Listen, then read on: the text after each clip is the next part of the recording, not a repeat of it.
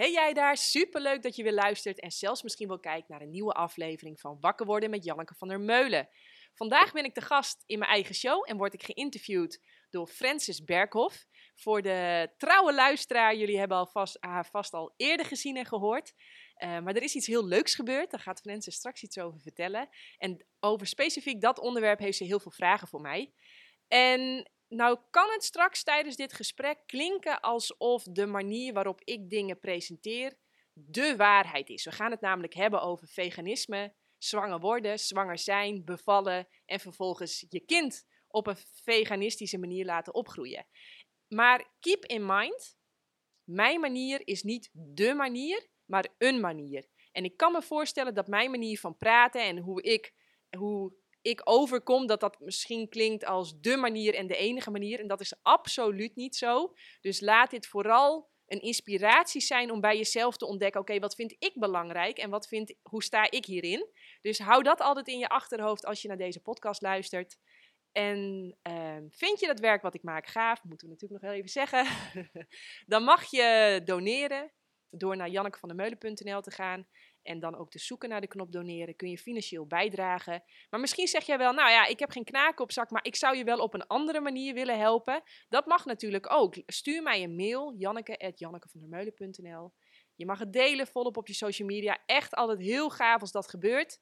Uh, Dank je wel voor iedereen die dat ook doet. En dan zou ik zeggen, we gaan beginnen. Welkom Francis. Ja, dankjewel. Dan ben ik weer. Dan ben je weer. Ja, hartstikke leuk. Nou, vertel.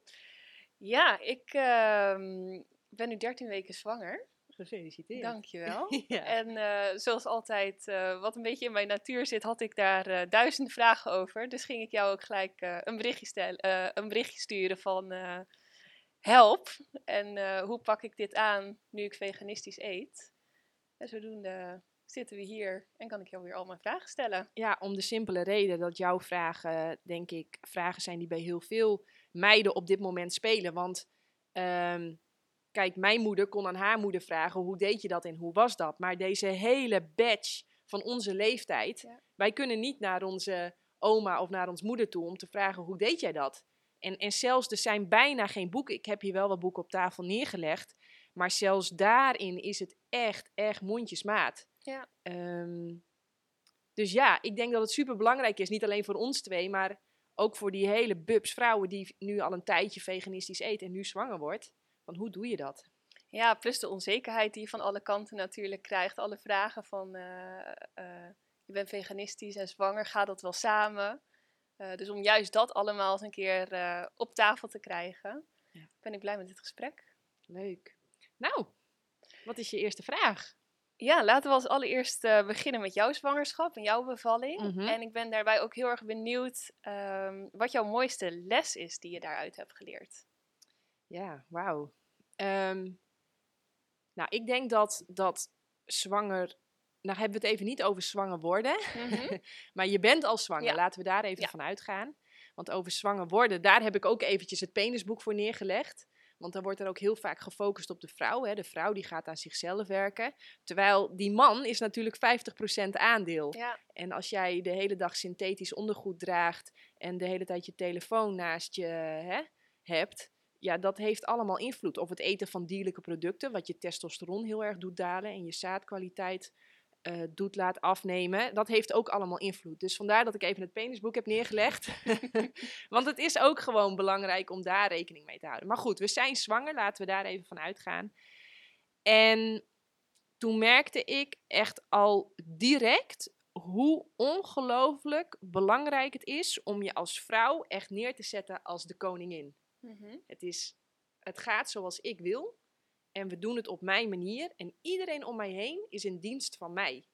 Ik ben degene namelijk die het draagt, die het baart. Dus alles draait erom dat ik helemaal in mijn nopjes ben.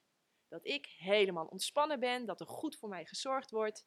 En dat is natuurlijk een positie waar ik al als topsporter goed aan had gewerkt. Want ja, als ik een roeiwedstrijd moet, tussen haakjes moet winnen, ben ik ook degene die in de arena staat, die alle druk heeft en die het kunstje moet flikken. Maar eigenlijk is zwanger zijn en baren is dat precies hetzelfde. Dus volgens mij is het als vrouw je belangrijkste taak om jezelf echt liefdevol op één te zetten en er echt ook aan te gaan wennen dat je je omgeving dienstbaar maakt aan jou. Mhm. En dat klinkt best wel egoïstisch, van oké, dan ja, moet iedereen dus in dienst zijn van mij. Maar dat is het leuke, mensen vinden het fantastisch om te helpen. Dus het is echt een win-win.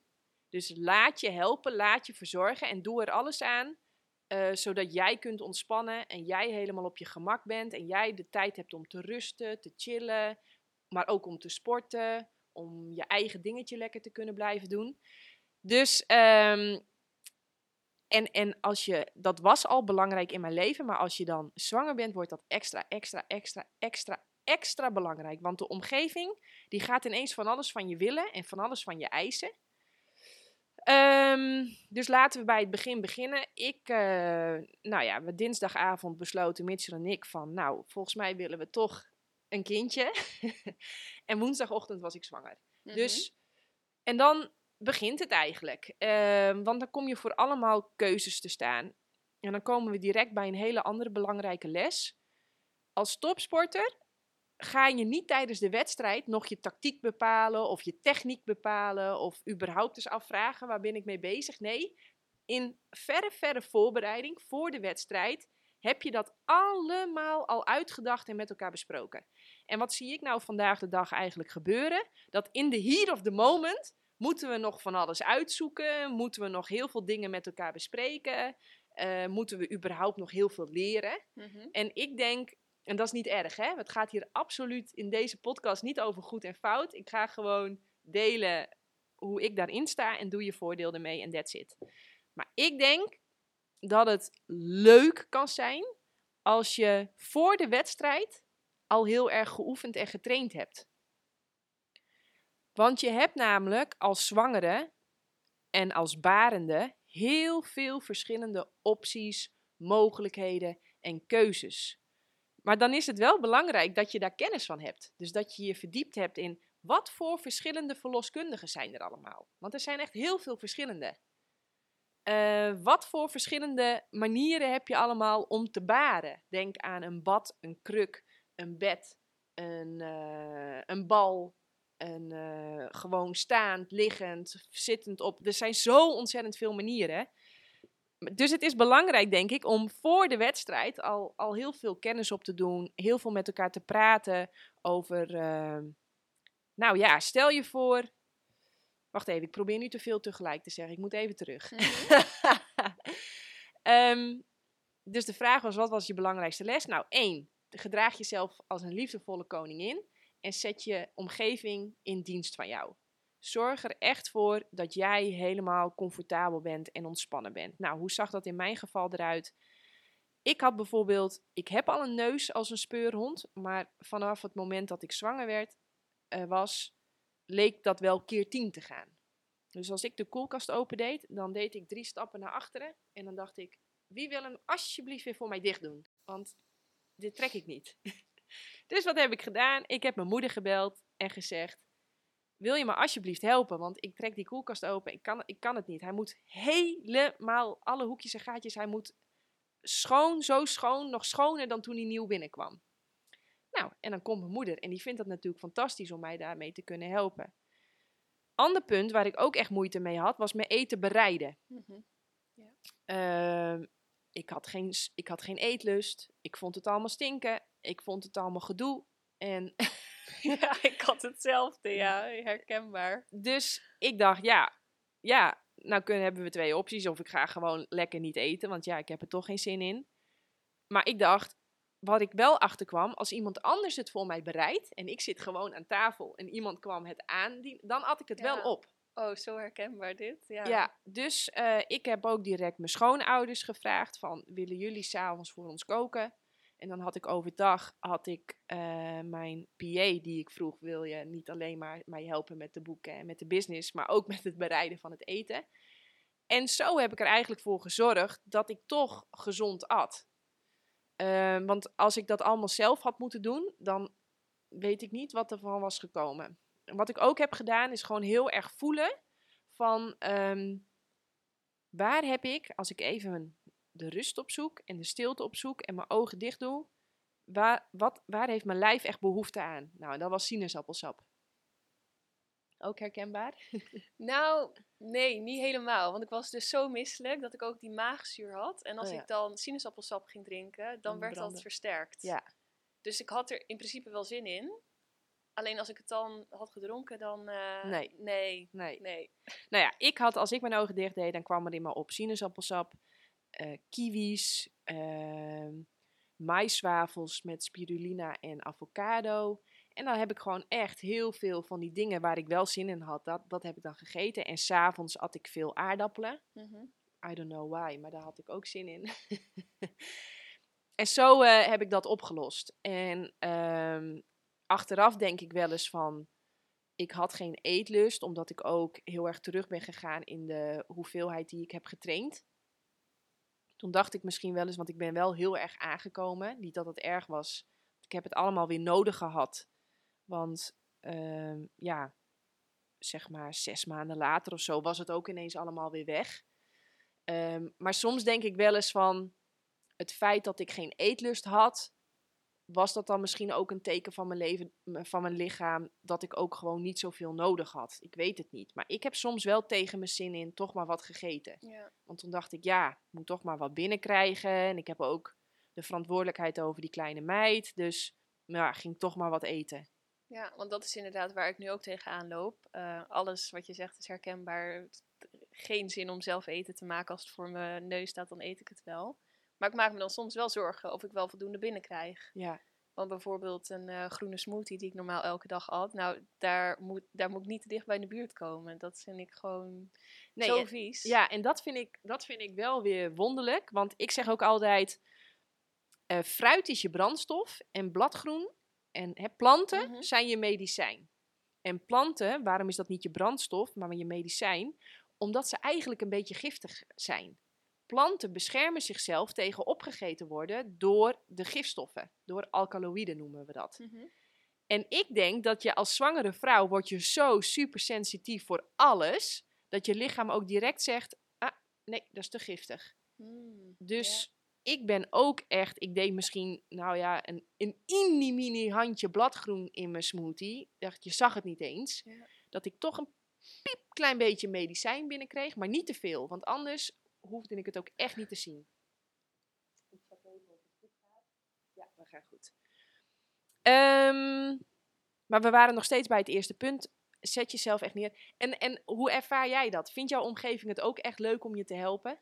Nou, ik vind dat wel lastig. Maar wat ik dus ook heb eh, ervaren, je moet wel zelf precies weten wat je wil. Om die hulp dan ook te kunnen vragen. Ja. Want daar kwam ik dus eh, de afgelopen week achter. Dat ik dacht, ja, heb ik nou eigenlijk wel goed genoeg gegeten? Want dan werd er door mijn omgeving eten voor mij gemaakt. Ehm, wat in de basis gewoon gezond is. Alleen vond, was dat dan precies wat ik eigenlijk nodig had. Maar ik, ik wist het ook niet precies, want ik had geen zin, geen, geen eetlust. Dus dan kan je ook niet vragen wat je natuurlijk nodig hebt. Nee, Dus- als je niet weet wat je Ja. wil, dan kun je niet vragen wat je wil. En dan kun je ook niet krijgen wat je wil. Dus dat is inderdaad een belangrijke. Dus zet jezelf op één als koningin. Maar heb ook helder ongeveer ja, eh, wat zijn nou mijn behoeften. Ja. En, maar iets waar ik heel erg in ben ontspannen. Want als mijn eten bereid werd, was het natuurlijk ook niet altijd helemaal Janneke-proof. mhm. En dat maakt echt niet uit. Zolang jij binnen dat plantaardige spectrum blijft en jij eet geen giftige dingen, om het maar zo te zeggen, hè, dus geen dierlijke producten, dan maakt het echt niet uit. Eén, nou helemaal, het is nu 5, 6 centimeter. ja zoiets. zeker. Het heeft alleen maar jouw gezonde, vrolijke, liefdevolle bloed nodig. Ja. Meer heeft het niet nodig. En zelfs als het straks richting de 4 kilo gaat, heeft, als jij maar ontspannen bent en lekker in je vel zit, meer heeft het niet nodig. Dus volgens mij, ehm, en dat is ook een hele leuke, waar ik me altijd heel erg aan vast heb gehouden. Alles wat je binnenkrijgt, daar wordt eerst het beste uitgehaald voor de baby, die krijgt dat, en jij krijgt de restjes. Ja. Dus eh, ja, volgens mij kun je het niet zo snel verkeerd doen. Dus eigenlijk wat je zegt is, maak je maar niet zoveel zorgen over al die, Nee. eh, alles Als wat je, je- binnenkrijgt. Nee, als je alle spiriwiri boeken ook op een rijtje legt en je gaat echt kijken van wat zeggen nou al die spirituele meesters, dan is het eigenlijk altijd maak je niet druk. Nee. Ja, dat- Lach meer, frons minder. Ja, want dat, dat, er, dat ervaar ik ook. Als ik bijvoorbeeld dan een keer eh, toch iets meer stress heb gehad op een dag of me toch zorgen gemaakt, dan krijg je ook gelijk een beetje zeer aan je buik. Krijg, wordt alles een beetje strak. En dan denk ik, ja, volgens mij is dat nog slechter dan, eh, nou ja, of Ja. ik eh, Ja. medium goed Ja. eet. Ja, nee, helemaal eens. Dus ik heb ook tijdens de zwangerschap gewoon wel eens van die lekkere... Ja, dat was toen net nieuw en Mitchell was er helemaal fan van. Gewoon lekkere... Want dat lust ik dan ineens wel. Helemaal van die vegan eh, eh, hamburgers, zeg Oh ja. maar. En eh, echt waar de saus en zo allemaal lekker. ja, dat ik weet, kan me nog helemaal herinneren. Het was oudjaarsavond. Nou, die gingen er wel in hoor. En dan dacht ik ook van ja, ik, het, het is. Nee, nee. En waar ik me ook echt altijd heel erg aan vasthoud. Zolang je binnen dat plantaardige blijft. En of dat dan gebakken of gefrituurd of rauw is. Of geblend of gesmoed. Of, of het heeft in de oven gelegen. Nou, dan, dan beter kun je het bijna niet doen. Ja. En tuurlijk, eh, veel fruit eten is gewoon altijd goed. En dat heb ik ook gedaan. Dus veel jus d'orange, veel kiwis. Bananen ging op een gegeven moment. Ehm, nou, dat, eh, wat heb ik nog meer gegeten? ja, want dat was ook nog een van mijn vragen. Dadels gaf je mij ook als Ja, tip om ja. heel veel dadels te eten. Ja, Waar, waarvoor zijn die zo goed? ja, dadels, dat is echt eh, vo- voeding van de goden, zeggen ze Mhm. wel. En ik eh, voel dat helemaal. Ehm, jouw hele systeem, jij, hoe jij daar zo zit, jij bent opgebouwd uit miljarden cellen. En die cellen kunnen eigenlijk maar op één ding goed hun werk doen. En dat is suiker. En dadels zijn daar de ultieme bron van. Die hebben een perfecte mix van al die verschillende suikersoorten. En zitten ook nog eens bomvol mineralen. En we zien ook in onderzoeken terug dat vrouwen die bijvoorbeeld tijdens de bevalling dadels eten, eh, wat je van de mineralen voorziet, zodat je ontspant en je huid helemaal in combinatie met, die, eh, met je hormonen super rekbaar en wendbaar is. Ja, dan zien ze gewoon dat bevallen makkelijker gaat. Dus Maar- dadels inslaan. Ja, ja, ja. Die heb ik trouwens ook dozen van gegeten. Dadels. Ehm, omdat het ook gewoon belangrijk is om voldoende energie te hebben. Want je bent nogal wat aan het bouwen. Ja. ja. En ja, het, het lijkt allemaal klein en simpel en een normaal en natuurlijk. Maar het vraagt wel echt wat van je lichaam. Ja. Dus eh, ja, dan moet er wel voldoende brandstof en energie zijn voor de cel. Voor al die cellen om hun werk goed te doen. Hard werken. Ja, hard werken. En de primaire brandstof van iedere cel is suiker. Dus als jij eigenlijk zegt, ja, als je gewoon voldoende fruit eet, dat a- aanvult met de dingen waar je zin in hebt, dan eh, zit je helemaal gebakken. ja, dan zit je, dan zit je lekker. En ehm, stel je voor, je vindt dat dan toch nog spannend. Dan kun je bijvoorbeeld van Vitals of zo, die hebben echt een helemaal veganistisch multivitamine speciaal voor zwangere veganistische vrouwen. Er zit dan wat jodium in, er zit dan wat vitamine D3 in, want dat is natuurlijk wel super belangrijk. Daar zit dan wat eh, ijzer in, want je ijzerbehoefte is ook veel hoger. Ehm, B12 zit daarin. Dus wat heb ik gedaan? Ik heb eh, van de vitamine en mineralen waarvan ik zie dat bijna alle zwangeren of al een tekort aan hebben, of uiteindelijk na het bevallen echt een gigantisch tekort aan hebben. Met als gevolg dat ze moe worden en dat soort dingen. Daar, die ben ik wel eh, even wat extra gaan innemen. Want ik kwam er ook achter dat eh, bijvoorbeeld de ijzerbehoefte van een zwangere vrouw, die is wel, moet ik het even goed zeggen, vier keer zo hoog. Dus normaal, normaal, een normale vrouw die kan ongeveer met 15 microgram of milligram, dat hou ik je even MCG is dat volgens MCG, mij, ja. Ik weet het ook even niet precies, maar in ieder geval het getal is 15 per dag toe. Dan een sportende vrouw en een veganistisch sportende vrouw, die gaat al wat hoger. Die krijgt al wat een hogere ijzerbehoefte. Maar een zwangere vrouw of een, borst, een, een lacterende vrouw noemen we Mhm. dat dan, een vrouw die borstvoeding geeft, eh, daar gaat de behoefte wel naar 60. En ehm, hoeveel zeewier ik ook at en hoeveel bladgroen ik ook at, eh, dat haalde ik niet. En ehm, voor sommige mensen is dat dan ook direct een bewijs dat je vlees moet eten. Want met Mhm. vlees haal je dat wel. En daar twijfel ik over, want ik denk gewoon dat vroeger de kruiden, de kiemen, het bladgroen en het fruit van nature veel hoger was in mineralen, omdat de bodem toen veel rijker was. Maar vandaag de dag hebben we een best wel schrale bodem. Dus is ook alles, alle planten en al het fruit wat daarvan afkomt, bevat iets minder. En dus ben ik gaan suppleren. Dus ik, ben, eh, ik heb echt veel ijzer genomen. Nou, dat eh, ja, heeft er wel in geresulteerd dat ik altijd eh, lekker veel energie had. Ik heb me maar een paar keer moe gevoeld. Ehm, maar hou wel in gedachten, ik ging iedere avond ongeveer tussen half acht en negen uur wel op bed. Ja. Ja, Oh, dus ja. heel vroeg naar bed. Dus je stond eigenlijk helemaal in dienst van... Ja, absoluut, absoluut. Ja, helemaal in dienst van de baby. Ik heb ook eh, gezegd eh, tegen Mitchell van, eh, ja, ik ga nu eigenlijk, ik heb een hele belangrijke klus, echt een hele grote werkklus heb ik. Dus ik ga eigenlijk niet meer, ik ga niet meer werken. En ehm, nou, op een gegeven moment was dat voor mij iets te weinig. Mhm. Dus ik begon me te vervelen.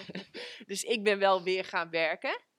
Eh, maar wat ik vandaag de dag bij veel vrouwen zie gebeuren, dat ze werken eigenlijk te veel, te moe, te op het randje, te, oh, en dan wordt het ook niet leuk meer.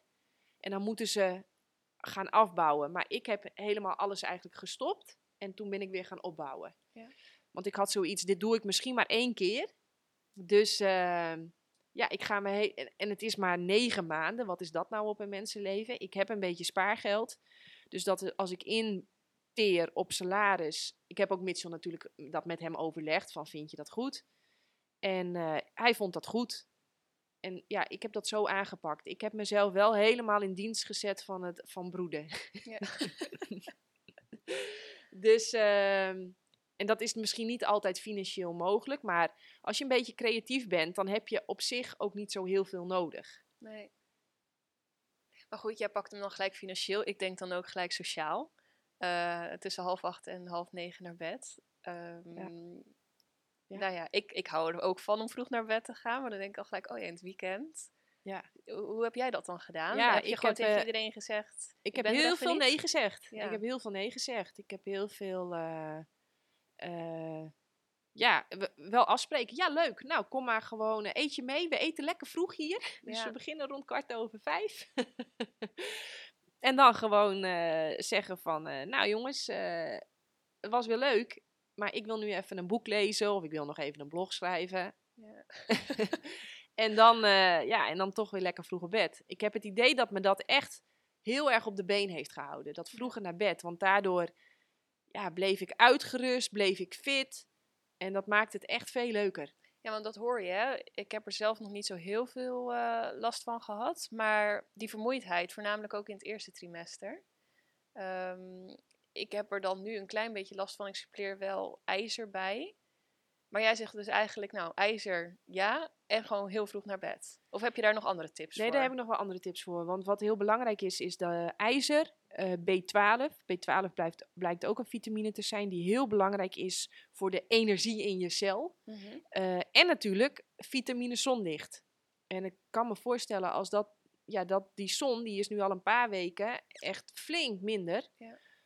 Eh, dus ik heb eh, tot zolang dat lukte onder de zonnebank gelegen. En nou snap ik dat dit echt, oké, wat zeg je nou? Ehm, eh, ik heb een vitamine D aanmakende zonnebank. Daarvoor kun je naar Frank Veldman van Sunworld. Die heeft die zonnebank ontworpen. En ik snap dat dat een second best is. Maar ik woon helaas niet in Zuid-Spanje. Ik woon in het koude kikkerlandje Nederland. En vanaf nou, begin september is hier gewoon eigenlijk al te weinig zonlicht. Eh, en als die dan schijnt, is de zon niet krachtig genoeg. Nou, dan kun je natuurlijk eh, ervoor kiezen om lekker naar Zuid-Spanje of nog meer naar het zuiden te gaan. Ehm, maar die optie had ik niet. Dus ik moest het hier doen met of een zonnebank. En ik heb me natuurlijk niet laten verbranden. Mhm. En op de keren dat ik onder die zonnebank ging, ging ik extra veel bessen en citroensap en allemaal andere oxidantrijke dingen eten. Ehm, of een supplement. En ook dan weer, als ik dan niet onder de zonnebank ging of ehm, de zon had niet geschenen die dag, dan nam ik 6000 IU vitamine D. Echt heel veel. Ja. Want die vitamine D, dat willen ze tegenwoordig bijna een hormoon noemen, omdat die letterlijk bij alles is betrokken. Maar je maakt het niet zelf aan. Je bent afhankelijk van een externe bron. Wat voor mij ook duidelijk maakt dat wij hier in Nederland eigenlijk alleen maar kunnen overleven. Mhm. En dat het voor ons beter is om wat dichter bij de zon te wonen. Mm, eh, dat nam ik. Eh, jodium let ik ook goed op als ik geen zin had om, eh, om zeewier te eten. Mm, ja, dan hebben we de belangrijkste. Ja. Dus jodium ook uit een potje flesje. Ja. Voor de dagen dat je Ja. geen zin had. Ja. Want Dat, dat eet ik inderdaad ook al. Zeewier ook al een paar weken niet. Nee, ja, dus dat, eh, ja, klopt. ja. ja. Goeie tip. Ja. En bijvoorbeeld, eh, want je zegt naar de zon. Wat vind jij bijvoorbeeld van vliegen als je zwanger bent? Daar zijn ook de meningen nogal eh, over verdeeld. Ja, nou, wat ik vind breng ik altijd bij de politie. nee, iedereen moet natuurlijk doen wat hij zelf wil. Maar ik had zoiets van, ik ga liever even niet nu in zo'n magnetron zitten. Dus eh, ik heb ervoor gekozen om dat niet te doen. Überhaupt al dat reizen, dat is, ja, daar heb ik al zoiets van, dat is voor een vrouw, vind ik, vaak stressvoller op een of andere manier voor, dan voor een man Mhm. mannen, die, alsof dat al wat meer in hun DNA, in hun bloed, in hun natuur zit om te reizen, is dat voor een vrouw. En ik wil echt niet alle vrouwen en mannen over een kam scheren. Dus als jij dit heel anders ervaart, nou, hartstikke mooi. Maar ik vond het heel fijn dat ik lekker dicht bij huis ben geweest. Ja, en als je zegt naar de zon, ga dan liever naar Spanje, Portugal. Lekker met de auto. Nou ja, eh, wat ik eigenlijk zeg is doe wat je wil. Alleen ik zie terug in onderzoeken dat het, dat het voor wel, zowel voor de botontwikkeling en de hersenontwikkeling, maar ook voor je eigen vitaliteit belangrijk is dat je op een een of andere manier voldoende zonlicht tot je krijgt. En als dat niet kan rechtstreeks van de zon, ja, dan een zonnebank of een supplement. Ehm, maar je, ja, ook voor je kindje. Jij zorgt wel een beetje voor zijn of haar voorraad. Dus het moet op een manier binnenkomen. En Ja. als je dan niet bij de zon woont, ja, dan moet je gaan wikken en wegen van en een soort van kosten-batenanalyse gaan maken van eh, ja, waar kies ik voor? En ik heb er dus voor gekozen om in Nederland te blijven en dat op een andere manier op te vangen. Wat natuurlijk ook nadelen heeft. Een sup- supplement is ook niet fantastisch. En een zonnebank is ook niet fantastisch. Maar ik vond dat, zeg maar, minder erg dan gaan vliegen. Ja. Dus zo heb ik die keuze gemaakt. Ja, dus een paar dingen gewoon eh, toch bijnemen. Jodium, Ja. eh, D3, B12, Ja, ijzer. ijzer. Ja. En dan heb je ze wel. Want je hebt bijvoorbeeld ook nog foliumzuur. Ja, Daar, ehm, eh, ik, ik weet nog, ik eh, was toen zes weken zwanger en ik had nooit foliumzuur geslikt. En toen kwam ik erachter dat eigenlijk heel veel vrouwen dat nemen al voor dat ze zwanger zijn. Dus ik dacht, oh, nu heb ik het helemaal verkeerd gedaan. Dat had ik ook moeten doen. Ehm, waarbij mijn moeder vervolgens ook zei van, nou maak je maar niet zoveel zorgen, want vroeger hadden we dat ook niet. Alleen hoe zie jij dat? Want bijvoorbeeld, ik heb het daarna ook opgezocht. In fruit zit ook heel veel foliumzuur. Uiteindelijk dacht ik, nou, volgens mij hoef ik me niet zo heel veel zorgen te maken, want ik heb voldoende binnengekregen. Kiwis, hoorde ik jou net al, daar zit ook heel veel in. Krijg je wel voldoende met alleen maar fruit? Of zeg je, nou, dat is er toch ook wel eentje die je kan bijnemen? Nou, sterker nog, kijk, het is, ik heb, eh, nou misschien handig, moeten we dan toch eventjes een beetje vertellen over wat voor onderzoek ik heb gedaan naar het optimale dieet van de mens? Ja? Oké, nou Ja. ik werd helemaal scheidsziek van alle tegenstrijdigheden over wat is nou het optimale dieet voor de mens. Dus hè, onze handen, de tanden, de enzymen in onze mond, de zuur in onze maag, de lengte, de structuur van onze darmen, onze ogen voor welk dieet zijn wij nou gemaakt? Wat kunnen wij het beste iedere dag in grote hoeveelheden eten om niet te overleven, niet te leven, maar echt kunnen presteren op de toppen van onze kunnen? Nou, en na al die 95% van de onderzoeken echt aan de kant te schuiven, omdat dat gewoon eigenlijk onderzoek is met een hele lage bewijskracht en heel weinig kwaliteit, heb ik alleen maar gekeken naar de aller, allerbeste onderzoeken. Onderzoeken met veel bewijskracht. Nou, en daar kwam gewoon, daar komt gewoon al 130 jaar lang consequent in naar voren dat wij gemaakt zijn voor het eten van fruit. En dat een beetje aanvullen met nog wat bladgroen en wat kruiden en wat kiemen en wat andere planten. En dat is waar wij voor zijn gemaakt. Hè, als je ook ziet, eh, hè, onze ogen, als wij een rood bolletje zien, dan Hè, die, die bolletjes op je telefoon, die zijn niet voor niks allemaal rood. Mhm. Dus wij zijn echt ontworpen voor het spotten, plukken, eten en verteren van fruit. Wij zijn echte fruiteters. Dat is ons ultieme, onze ultieme voedingsbron. En, ehm, En waar is fruit en planten, waar zijn die nou van nature super, super, super, super rijk aan? Foliumzuur. Dus ik vind het niet gek, maar gewoon logisch dat als je dat niet binnenkrijgt, als jij als diersoort je ultieme voedsel niet binnenkrijgt, dat het voor jouw machine tussen haakjes lastig wordt om een perfect mensje af te leveren, om het maar even zo te zeggen. En dan nogmaals, stel je voor, uh, jouw mensje is, zoals we dat dan noemen, niet helemaal perfect. Dan heeft dat niks met schuld te maken. Er, zijn duizend dingen die meespelen. Maar um, ik vind het dan niet gek dat, uh, dat iets als foliumzuur, ja, dat ze dat maar zeggen van nou suppleer het dan maar. Terwijl als je gewoon heel veel uh, fruit en bladgroen binnenkrijgt, ja, dan, dan krijg je, ik kreeg iedere dag 400 of 500 of 700 procent van de aanbevolen dagelijkse hoeveelheid binnen. Dus uh, ja, dan denk ik, dan is mijn logische verstand, uh, dan is dat op een natuurlijke manier binnenkrijgen altijd veel beter dan gemaakt door de fabriek in synthetische vorm. Ja. Dus ik ben het met je moeder eens. Uh, ja, volgens mij hoef je echt nergens druk over te maken. Gewoon lekker veel fruit eten. Ja, maar stel je voor, je kunt helemaal niks eten omdat je echt kots, kots, kots, kots, kots, kots, kotsmisselijk bent. Uh, maar het lukt je wel om met een klein slokje water en een paar hapjes witte rijst. Ja, neem dan een supplement. Ja. Weet je wel, je, je, iedere moeder die doet gewoon met haar situatie, haar kennis, haar kunde, haar middelen, ga je gewoon je best doen om het optimale te doen. Ja. En uh, ja, dat. Oké. Okay. Um, dan heb, zijn we hier uh, over de supplementen, denk ik wel. Of wil je nog een laatste Nee, volgens mij, uh, volgens mij hebben we hem. Oké. Okay. Ja. Want dan ben ik wel heel benieuwd bijvoorbeeld naar je bekkenbodem. Heb jij daar tijdens je zwangerschap bijvoorbeeld training voor gehad, of trainingen voor gedaan, of oefeningen voor gedaan? Of heb je het gewoon lekker op zijn beloop gelaten? um, heb je daar misschien tips voor? Ja, um, nou, je moet je voorstellen dat ik heb tot week 36 gemountainbiked. Mm -hmm. En mhm. toen ben ik... Uh, we moeten even bij het begin beginnen. Ja.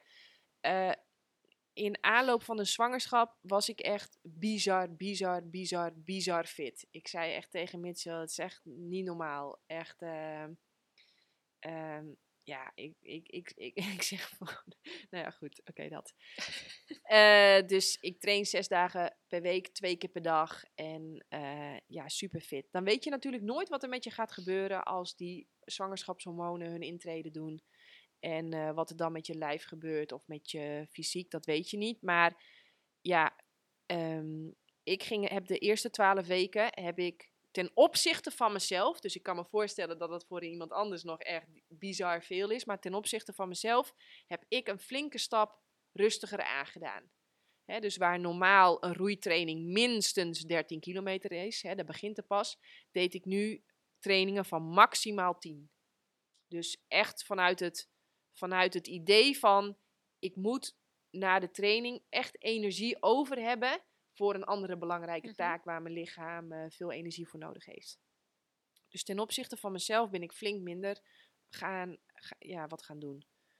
En ik had natuurlijk, en ik, of ik had, of ik heb, of nou ja, natuurlijk ook helemaal geen goede woorden. Ik heb gekozen voor heel veel Pilates, omdat Pilates is uh, ja, echt voor mij de, de, de manier om bekkenbodemspieren, rompspieren, alles hier, helemaal je, je powerhouse, om dat en heel goed te kunnen ontspannen, maar ook kunnen aanspannen en heel goed te kunnen controleren.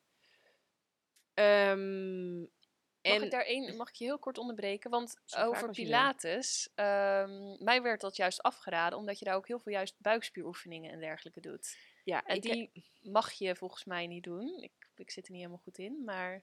Nou, ik heb ook alle, alle oefeningen waarbij je rechte buikspieren, dus de buikspieren die echt langs je navel mhm. lopen, om het zo maar te zeggen, daar ben ik ook bij 14 weken al mee gestopt. Omdat je wil het kindje natuurlijk wel de ruimte geven om te kunnen groeien. Ja. Als jij dan die staalkabels, hè, als, ik, als ik dan die sixpack had willen houden, ja, dat werkt niet. Uh, dus daar, die heb ik wel helemaal met rust gelaten, zodat ik uh, nou echt een flinke, flinke toeter kon krijgen. Uh, maar dus de, al die andere spieren is juist super functioneel als je die wel een beetje sterk houdt. Zodat je jezelf goed kan blijven dragen. Ehm, dus dat heb ik gedaan. En ik ben niet in groepsklasjes gegaan. Oh ja. dus ik heb echt samen met Leana eh, één op één gewerkt. Ja. En ook na de bevalling, twee weken na de bevalling, ben ik daar direct weer mee begonnen. Eh, met als super fijn voordeel ehm, dat ik eh, echt binnen no time weer kon rennen, eh, zwaar kon squatten, eh, kon niezen zonder direct, nou ja, je kent het wel. En, en nogmaals, geen schuld als jou dat nu wel, maar ja, ik denk, ik ben heel blij dat met Pilates, ja, dat dat helemaal goed is gegaan. En wat heel, denk ik ook heel belangrijk is, en dan kom, dat heeft direct weer met die bevalling te maken. Als jij helemaal als koningin je bevalling ingaat. En je wordt helemaal gedragen en gediend in een super veilige, bekende, harmonieuze omgeving. Dan ehm, hoef je ook niet eh, te trekken, en scheuren, knippen en weet ik het allemaal wat. Dan drukt ook gewoon, je hoeft ook niet te persen. Mhm. Eh, dat doet je lichaam allemaal zelf. Dus ja, ik kwam ook helemaal zonder kleerscheuren uit die bevalling. En dat helpt natuurlijk ook heel erg. Ja. Eh, als jij eh, best wel lang hebt moeten persen, of er is geknipt, of je bent ingescheurd, dan, eh, ja, dan vraagt dat natuurlijk ook wat meer herstel. Dus de- jij zegt eigenlijk de voorbereiding, hoe fit je je bevalling ingaat, dat heeft er dan mee te maken? nou, Of, kijk, dat weet ik niet. Ehm, ik weet niet, is dat geluk? Is dat wijsheid? Dat, dat weet je natuurlijk niet, hè? Ik bedoel, eh, dan zou ik nog tien kinderen moeten krijgen. En dan zouden we nog heel veel Jannekes moeten Ja. hebben. Die dan ook allemaal tien kinderen moeten krijgen. Dan pas kunnen we iets van een kwalitatief onderzoekje opzetten. Maar dat weten we eigenlijk gewoon helemaal niet. Dus kijk, ik heb eh, in de laatste week voor de bevalling... heb ik nog 100 kilometer gewandeld ja, er zijn ook meiden die kunnen na een paar weken al niet meer wandelen. Omdat, omdat, en ik weet niet hoe dat kan en waar dat aan ligt. Ja. We zien natuurlijk wel terug dat in fruit en planten zitten precies die stoffen die je aan de ene kant super strak houden en sterk. En aan de andere kant super week en eh, flexibel. Ja. Dat, ik weet niet, ik- die stofjes hebben een hele moeilijke naam. Eh, maar ik had bijvoorbeeld ook geen st- stri, stri, stri. Ja, straillé, hè? eh, ook niet. En eh, dat kan ook weer toeval zijn. Maar ja, het kan ook. In de literatuur vind ik wel terug dat fruit en planten daar een hele gunstige invloed op hebben. Oké, en jij zegt dus pilates voor je bekkenbodem. Maar wel met iemand Ja. die gespecialiseerd is om te werken met een zwangere Ja. of een pasbevallene. Ja. En eh, ja, dus, want Leana, de, Leana Alink, de coach die ik had in Amsterdam bij de Vondel Gym, eh, ja, die is ook nog fysio. Oh ja. En, en wat ook een hele belangrijke is, denk ik, slow but steady wins the race. Dus ik ben wel heel vroeg begonnen, maar wel heel rustig. Dus die eerste trainingen met Leana, dat was een half uurtje. Ja. Een half uurtje en dan gingen we, nou, en, maar dat ging heel snel, werd dat alweer beter, of beter, werd dat alweer meer. Maar wel door met heel veel geduld en heel veel ja, liefde en zachtheid eigenlijk dat lichaam weer eh, te prikkelen. En ehm, ja, dat. Want jij zegt beginnen met een half uurtje. Hoe zie je dat überhaupt als je tijdens de zwangerschap bijvoorbeeld vermoeid bent? Juist dan als, alsnog wel gewoon gaan sporten of rusten? Dat, is ook, dat is ook zo lastig. Ja, hè? die is super lastig. die is super lastig. Daar kan ik zo niet een antwoord op geven. Dat weet je hard. Dus dan toch de stilte opzoeken. Ook de stilte in jezelf. En dan kijken van waar dien ik nou echt mee. Want soms kan het wel helpen om even te gaan wandelen. Of even te zwemmen. Of even een stukje te fietsen als dat nog lukt. Ja, en soms eh, is het ook eh, gewoon erbij neerleggen. En eh, dat, dat, dat is dat, ja, ja. Goh, Ja, wie want- daar dan het antwoord op zou hebben, zou Want dat is natuurlijk ook lastig, hè? Want je, je hoofd gaat dan ook met je aan de haal. Want die zegt lekker, blijf maar lekker op de bank liggen, want je bent zwanger en zo moe. Ja, Blijf maar lekker liggen. ja, En hoe herken je dat dan? Dat verschil? Ja, dat is, dat is, dat is, dat is de truc. en ehm, we zien wel terug in onderzoeken dat eh, vrouwen die wel flink blijven bewegen, paradoxaal grotere en sterkere kinderen krijgen. En dat, ik vind dat wel logisch, want ehm, dat, dat alleen bij beweging blijft je lymfesysteem, lees de riolering van je lichaam in beweging. Alleen bij beweging worden die voedingsstoffen af en aangevoerd. Dus je hoeft niet een marathon te gaan rennen of 100 kilo te gaan squatten. Maar ga even, ga even een stukje fietsen of een stukje wandelen of even zwemmen of even. Maar kom, blijf wel in beweging. En dan liever tien keer eventjes een klein stukje. Dan, uh, ja, maar gaat, ja, blijf wel bewegen. Yoga, uh, pilates, dansen natuurlijk. Ja. Dansen. Daar ben ik mee begonnen met Zumba. Doe ik, met super, ja, dat is Ja. helemaal super. Steps wil ik gaan doen. Steps, Ja. ja. ik eh, gewoon alle, al een beetje ca- cardio dingen. Ja, maar blijf bewegen. Ja. Volgens mij eh, is ook voor jezelf is dat lekker. Wandelen met de hond. Want, nou, dat soort dingen, Ja. perfect. Het is eigenlijk makkelijk. In die zin. Ja, ja. En, eh, Van alles is mogelijk. ja, maar blijf wel bewegen. Want alleen maar op die bank stil liggen. Tuurlijk ga je s'avonds lekker vroeg naar bed. En tuurlijk ga je, als je uit je werk komt, even lekker op de bank liggen of weet ik veel wat. Maar volgens mij, ja, toch ook wel blijven bewegen. Oké. En je voelt het wel. Als je echt stekende pijn hebt, dan geef je natuurlijk direct over. Maar eh, een, ja, een beetje. Ja, dat. Ja. Maar toch heb je uiteindelijk alleen maar zelf de antwoorden. En dat is over les 1 gesproken, hè, de koningin. Daar hoort ook bij, vertrouw echt op jezelf. Dus eh, als jij voelt, ik wil dit zo doen, want dit is mijn manier en ik voel me hier goed bij, dan doe je dat. Wat dat dan ook maar is. Mhm. En als dat wel een marathon hardlopen is, omdat je echt voelt, ja, dat zit gewoon in me en dat kan ik en dat wil ik, dan doe je dat. Ja. Maar als dat, als dat iets meer, wat dat dan ook maar is, maar waar het om gaat is, zet jezelf op één en vertrouw ook echt op, ja, wat ik wil. En wat, ja, dat. Zet jezelf op één en je baby ook daarbij. Ja, maar dat doe je dan Ja. automatisch, hè? Ja. Nee, ik denk eh, eigenlijk toch jezelf voor je baby zetten. Want dat, dat, dat, ehm, ja, ik geloof er, eh, even kijken, hoe moet ik dat nou even goed zeggen? Maar ehm, ja, denk aan het, aan het vliegtuig. Als daar ook de zuurstof wegvalt, zet je altijd eerst zelf je, je zuurstofmasker op. Want alleen dan kun je ook je omgeving goed dienen. Ja. Dus nee, ik denk dat het, als vrouw heb je eigenlijk maar één taak. En dat is goed voor jezelf zorgen en de rest gaat vanzelf. Oké. En dan eh, had ik ook nog een hele andere vraag. Want jij hebt ervoor gekozen om, eh, als ik het goed heb begrepen, geen echo's te doen tijdens eh, de zwangerschap. Ja. Maar hoe, hoe kon jij daarin bijvoorbeeld het vertrouwen hebben dat het kindje goed lag in de buik? eh, dat het niet in bijvoorbeeld een eh, stuitligging lag? Ehm, want je bent ook thuis bevallen.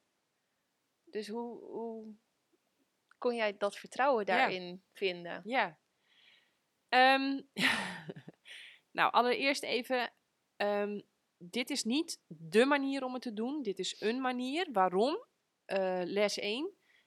Alles tijdens de eh, zwangerschap en de bevalling gaat erom. Wat is voor mij de allerbeste manier, situatie, omgeving? Wat zijn voor mij de allerbeste mensen? Zodat ik helemaal kan ontspannen en me kan overgeven aan mijn lijf, aan de natuur, aan de bron, aan God, aan weet ik veel wat. Eh, zodat ik helemaal vol vertrouwen ben. Dus daar gaat het om. Dus een vriendin van mij, die heeft ongeveer drie echo's per week laten maken, omdat dat voor haar de manier was om helemaal lekker ontspannen te zijn en vol vertrouwen in haar bedje te liggen en lekker te gaan slapen, omdat ze wist, alles is goed. Maar voor mij was dat het tegenovergestelde. Alleen al het idee dat ik drie keer per week naar het ziekenhuis zou moeten om daar een echo te maken. Ik kreeg al stress bij de gedachte dat iemand anders dan gaat koekeloeren en daar zijn mening over gaat geven. En eh, ja, dat, daar zat ik helemaal niet op te wachten. En ook omdat ik had gelezen en heel veel had gehoord vanuit mijn omgeving. Dat echo's in het gunstigste geval misleidend zijn en in het slechtste geval eh, echt schadelijk. En dat was iets wat ik constant uit mijn omgeving terugkreeg. Het meest recente voorbeeld, ik denk dat zij ook wel iets van 30, 40, misschien wel 50 echo's had gehad. En constant met de hele vervelende en stressvolle boodschap dat het kind echt veel te klein was. Mm. Veel te klein. Echt, ehm, ja, echt gevaarlijk klein. Ze hebben zelfs overwogen om het er misschien maar eh, preventief uit te gaan halen. En ehm, omdat het zo ongelooflijk klein zou zijn. Nou, daar hebben ze uiteindelijk niet voor gekozen. Maar dat heeft zo ongelooflijk veel stress opgeleverd. Tot hartkloppingen aan toe.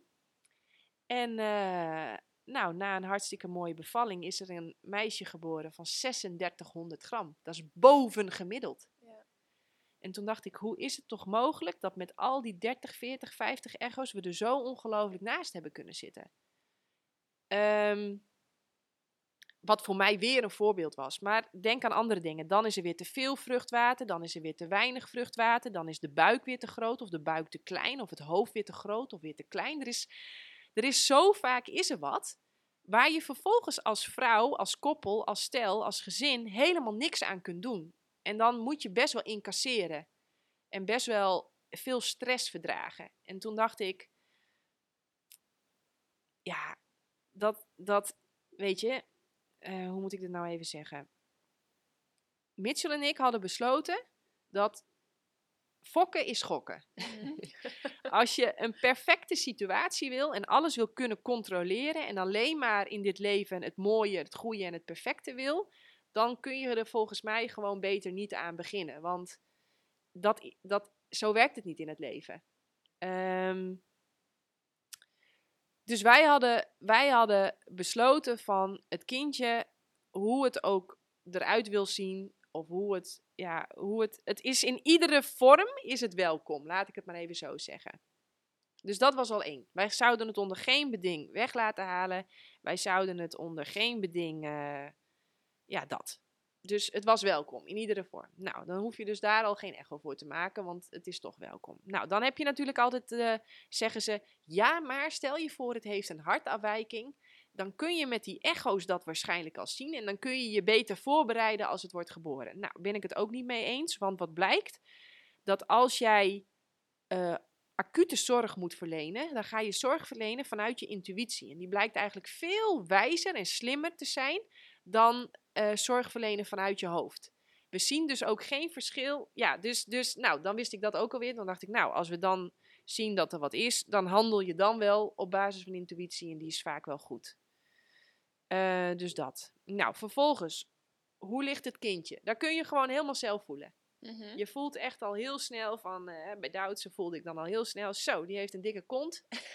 die kont die lag hier. En eh, in het begin draait dat nog wel wat, maar op een gegeven moment gaan ze echt wel lekker liggen. En dan voel je dat helemaal zelf. Dat hoeft echt niet. Je bent zelf echt de expert. Als je gewoon veel voelt en veel daar samen mee bezig bent, dan, dan hoeft echt niemand jou te vertellen hoe dat kindje ligt. Dat voel je helemaal zelf. Nou, stel je voor, het ligt dan in stuit en je voelt van, oh, het ligt nu best wel lang in stuit, dan heb je bijvoorbeeld spinning babies. Dat zijn allemaal vrouwen in heel Nederland die gespecialiseerd zijn om op een super liefdevolle en eh, bijna pijnvrije manier, eigenlijk samen met de baby, aan de baby te vragen van, kom, zullen we draaien? En dat klinkt heel spiriwiri, maar dat werkt echt als een tierenlier. En hoe heet dat? Spinning, Spinning babies. spinning babies. Ja, dus, dan, dus als je voelt van, dus dat. Ehm, nou, verder, ehm, ja, dus ik zat daar helemaal niet op te wachten. Voor mij zou de hele tijd zo'n echo en dan zo iemand die zich er dan mee gaat bemoeien en allemaal oordelen gaat geven over je kind als groot of klein of dik of dun of eh, nou eh, wel bewegelijk of nou wel rustig of ja, weet je, daar, dat, dat, dat, daar heb ik helemaal niks mee.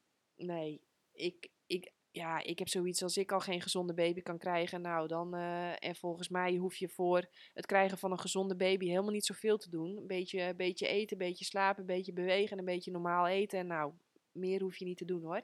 Dat is allemaal in handen, denk ik, van de natuur.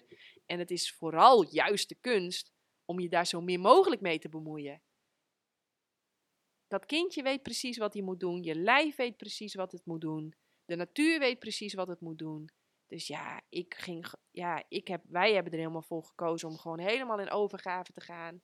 En, eh, ja, en ik dacht, ik word zelfs gewaarschuwd al de avond van tevoren als er bijvoorbeeld heel veel vrachtschepen op de Amstel zijn. Dan Mhm. krijg ik dat vaak al door. Dan dacht ik, dan zal ik zeker over mijn bloedeigen kind geen signalen doorkrijgen. Dan krijg ik echt wel door van, van ik weet niet van wie, dat ik bijvoorbeeld moet handelen of iets moet doen. Dus ik dacht, ja, dat krijg ik, eh, als, er, als er wat nodig is, dan krijg ik dat echt wel door. En misschien haal je ook je eigen eh, gevoel of intuïtie of eh, hoe je het ook wil noemen weg als je het in handen bij een ander legt. Ja, absoluut. Want er is maar één expert en dat ben je zelf. Ja.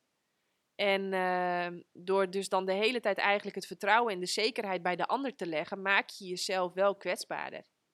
En hoe was dat bijvoorbeeld? Maar dat wil niet, dat is, dat, zo, dat is, zo werkt dat voor mij. Ik kan me, hè, in dit geval van die vriendin, die juist heel veel vertrouwen en rust kreeg door dat wel te doen, werkt dat wel. Maar de vraag is altijd, wat er vandaag de dag wordt gebeurd, gebeurt, eh, dat heel veel vrouwen, die zijn zwanger, dus die gaan dan automatisch, op automatische piloot, werken ze de protocollen af. Mhm. Maar volgens mij is juist je zwangerschap een gigantische uitnodiging om helemaal naar binnen te keren en jezelf de vraag te stellen: wat wil ik? Mhm. Wat is goed voor mij? Waar, wa- hoe willen wij dit? Want eh, het klinkt heel vaak alsof je naar een verloskundige moet. En, als je, en alsof je een echo moet. En alsof je die 20 weken prik moet. En alsof het je een kind direct een vitamine D-shot moet eh, vitamine K-shot moet geven. Het klinkt heel vaak en het wordt heel vaak gepresenteerd alsof dat dingen zijn die moeten. Maar helemaal niks moet. Alles mag. Mhm. En er zijn ongelooflijk veel keuzes. En jij mag kiezen. En moet je wel een beetje kennis hebben, maar er zijn boeken die je daarbij helpen.